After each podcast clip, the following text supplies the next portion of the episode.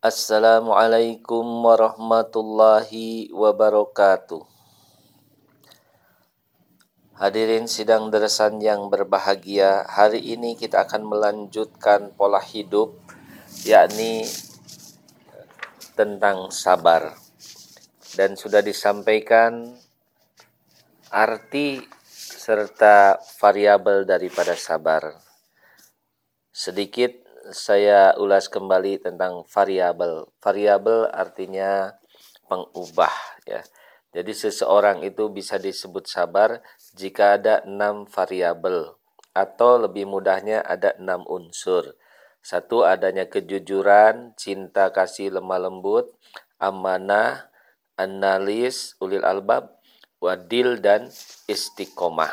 Nah, jadi Ketika orang bisa melaksanakan keenam ini, maka insya Allah dia akan masuk kepada kategori orang yang sabar. Jadi harus lengkap karena ini sama saja seperti kita mau mencampurkan warna ya. Tidak ada warna putih kalau tidak ada unsur-unsur warna yang lain. Jadi warna putih itu campuran minimal empat warna atau tujuh warna ya dicampurkan Nah, itulah yang menjadi variabel menja eh, warna-warna itu akan menjadi putih. Nah, kemudian saya akan jelaskan satu persatu tentunya dengan singkat saja. Yang pertama variabel dari sabar ini adalah jujur, ya. Jujur ini adalah eh, kesesuaian atau persesuaian antara ucapan amalan dan hati. Jadi bagaimana kita bisa menyesuaikan antara ucapan, amalan, dan hati. Nah, jadi kalau kita bisa menserasikan ketiga ini, maka barulah ia dikatakan seorang yang jujur. Ya. Tanpa kejujuran, mustahil untuk uh, kita mengadakan suatu hubungan baik, kerjasama atau berjamaah. Tidak akan tercipta itu tanpa ada kejujuran. Ya. Kejujuran juga merupakan sumber eh, pegangan untuk semua ilmu pengetahuan, kecakapan, riset, penyelidikan. Nah, jika kepalsuan ada di dalam keilmuan, maka dunia bisa hancur. Ya, karena setiap manusia perlu ilmu. Nah, jika manusia mempergunakan ilmu yang salah, ilmu yang palsu, tentunya dia akan hancur dunia ini. Mudah-mudahan kita terhindar dari itu semua. Amin. Rasulullah Shallallahu Alaihi Wasallam bersabda di dalam hadis Bukhari dan Muslim, Inasin ko yahdi ilal biri wa inal biro yahdi ilal jannah. Ya mungkin hadis ini semua sudah hafal ya, sudah sangat sering sekali saya ungkapkan. Ya. Sesungguhnya kejujuran itu menuntun kepada kebaikan dan kebaikan akan menuntun kepada manusia ke sorga. Jadi kunci dasar, pondasi dasar untuk mendapatkan satu kebaikan, apalagi untuk sampai ke dalam sorga itu adalah kejujuran.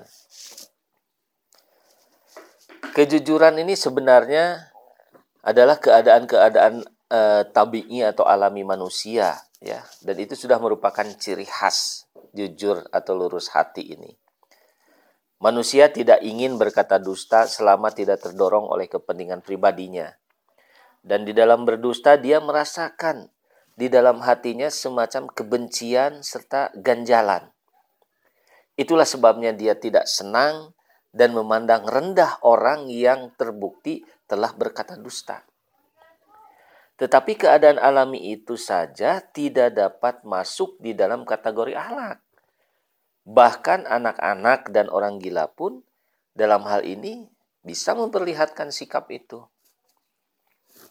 Nah, jadi hakikat yang sebenarnya ialah selama manusia belum terlepas dari kepentingan-kepentingan pribadi yang menjadi hambatan untuk berkata jujur dan lurus, selama itu ia secara hakiki tidak dapat dikatakan sebagai orang yang jujur atau lurus hati.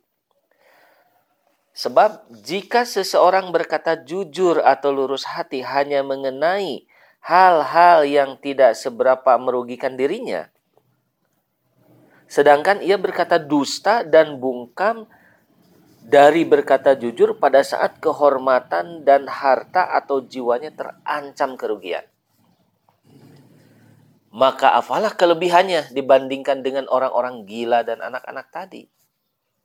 Tidakkah orang-orang gila dan anak-anak pun suka lurus hati seperti itu? Barangkali tidak ada seorang pun di dunia ini yang begitu saja berdusta tanpa sebab.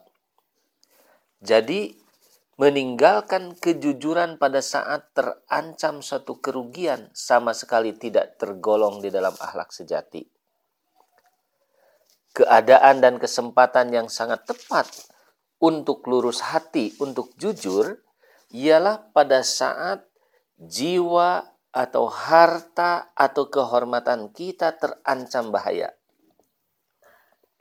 Allah Subhanahu wa taala berfirman, "Ya ayyuhalladzina amanu kunu qawamina bil kisti suhada alillah walau ala anfusikum awil walidaini wal akrobin."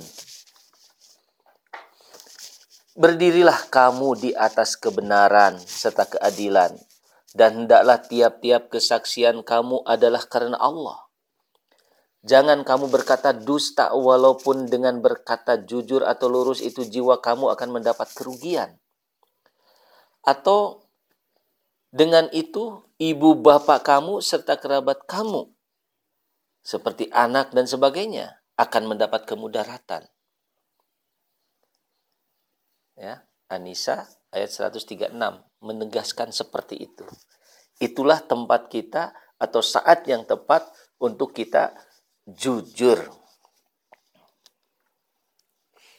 Selanjutnya kita harus memahami bahwa prinsip dari kesempurnaan tertinggi dari sidik, dari jujur, adalah ketika dia merasakan dirinya lemah dan miskin, mengatakan, ia kanak budu sedemikian rupa, dalam kekuatannya, dia mengambil kebenaran dan meninggalkan kedustaan. Dia menjauhi semua kotoran yang berhubungan dengan kedustaan. Dia memutuskan untuk tidak akan pernah berkata dusta. Dia tidak akan memberikan kesaksian-kesaksian palsu. Dia tidak akan mengatakan dusta meskipun dikuasai emosi. Apakah untuk tujuan baik ataupun tujuan jahat, dia tidak akan berkata dusta. Mencapai taraf ini, dia bertindak sesuai ia karena budu, hanya engkaulah yang kami sembah. Tindakannya ini adalah ibadah yang sempurna. Kita sangat mudah tiap hari mengucapkan iya karena budu, iya karena budu, iya karena budu. Hanya engkaulah ya Allah yang aku sembah. Hanya engkaulah yang aku sembah. Kadang-kadang kita menangis mengucapkan itu. Tetapi aplikasi daripada ia karena buduk satu saja kita bisa menjauhi kedustaan. Bisa menjauhi ketidakjujuran. Itu adalah salah satu unsur atau aplikasi atau bukti dari kita mengatakan ia karena buduk. Hadirin yang berbahagia, bagaimana eh, pengaruh daripada kejujuran ya kita sesuaikan dengan waktu sekali lagi. Nah, ini mungkin bisa diceritakan dan ini selalu diangkat ya oleh para pembicara termasuk di dalam jemaat. Bagaimana seorang Syekh atau Sayyid Abdul Qadir Jailani ya. Nah ini Abdul Qadir Jailani kecil ini ya jadi masa anak-anak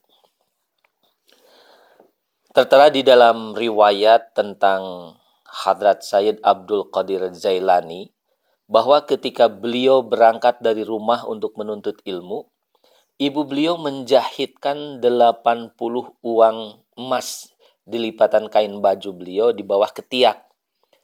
Lalu menasihati beliau ibunya, "Wahai anakku, sekali-kali engkau jangan berdusta." Nah, itu nasihatnya. Ketika Hadrat Sayyid Abdul Qadir Jailani berangkat, pertama-tama beliau melewati sebuah e, belantara, tempat persembunyian gerombolan pencuri dan penyamun. Dan di sana beliau berjumpa dengan rombongan penyamun tersebut. Mereka menangkap beliau dan menanyakan apa yang ada pada diri beliau, yakni pada diri Syekh Abdul Qadir tadi. Lalu beliau melihat bahwa pada tahap pertama saja sudah dihadang oleh cobaan. Jadi Syekh Abdul Qadir di situ melihat baru saja melangkah mau mencari ilmu itu di awal dia sudah diuji dengan datangnya para gerombolan yang mau merampas segala uh, apa yang dibawanya. Maka beliau ingat akan nasihat ibunya dan langsung menjawab kepada para penyamun itu ketika ditanya apakah engkau membawa sesuatu maka Abdul Qadir Jailani kecil ini mengatakan pada saya terdapat 80 keping uang emas yang dijahit oleh ibu saya di bawah ketiak saya. Mendengar hal itu, penyamun tersebut sangat heran. Apa pula yang diucapkan si fakir ini? Belum pernah karena kami menemukan orang yang jujur seperti ini. Lalu mereka menangkap Syekh Abdul Qadir Jailani dan membawa beliau kepada pemimpin mereka sambil menceritakan hal itu kepada pemimpinnya. Nah, ketika kepala penyamun itu bertanya lagi kepada Syekh Abdul Qadir Jailani, tetap saja beliau membeberkan jawaban yang sama bahwa aku punya 80 keping emas yang dijahit oleh ibunya. Akhirnya ketika jahitan di baju beliau itu dibuka, ternyata benar ada 80 keping uang emas. Mereka semua menjadi heran. Kepala penyamun perampok itu menanyakan, "Kenapa berbuat demikian? Kamu jujur?" gitu ya. Maka beliau pun menjelaskan tentang nasihat ibu beliau kepada para penyamun itu. Dan dia mengatakan, saya berangkat dari rumah untuk menuntut ilmu agama. Jika pada tahap pertama saja saya sudah berkata dusta, maka apalah yang dapat saya raih nanti. Oleh karena itu saya tidak meninggalkan kejujuran Nah, ketika beliau menjelaskan hal tersebut, lalu kepala penyamun itu menangis meraung-raung dan menjatuhkan diri di telapak kaki beliau, di telapak kaki Syekh Abdul Qadir Jailani kecil tadi. Dan dia penyamun itu bertobat atas segala dosa yang terdahulunya. Diriwayatkan bahwa orang itu pula lah yang menjadi murid pertama dari Syekh Abdul Qadir jalani. Jadi hadirin yang berbahagia ringkasnya, kejujuran atau kebenaran adalah sesuatu yang menyelamatkan manusia dari keadaan yang paling sulit sekalipun. Jadi, seberapa banyak manusia menerapkan kejujuran dan mencintai hal itu, maka sebanyak itu pula lah di dalam kalbunya, di dalam hatinya timbul kalam, timbul percakapan Allah Subhanahu wa taala dan kecintaan terhadap para nabi serta makrifat. Sebab itu merupakan suri tauladan dan sumber mata air segenap orang jujur atau sidik. Dan perintah kunu ma'asadikin bergaulah dengan orang-orang yang jujur dan benar. Ya. Dalam surat At-Taubat ayat 100 19 adalah atas dasar prinsip-prinsip tersebut. Nah, jadi sangat luar biasa hadirin yang berbahagia kejujuran itu. Sumber keamanan, sumber ketentraman dalam satu keluarga itu pun adalah jujur. Dan kita ingin membangun satu desa, satu kecamatan, satu negara akan aman, akan tentram, akan merasakan kenikmatan sorgawi ketika masyarakat semuanya sudah memiliki sifat kejujuran yang dimulai dari diri pribadi, keluarga, anak saudara, dan seterusnya. Tentunya ini merupakan amanah bagi kita semua yang harus diterapkan oleh diri kita sendiri dan kita wariskan kepada anak-anak kita. Jika anak-anak kita, generasi kita ingin lebih maju ke depan, maka pondasinya adalah kejujuran. Mudah-mudahan Allah Ta'ala memberkati kita semua. Wabillahi taufiq wal hidayah. Wassalamualaikum warahmatullahi wabarakatuh.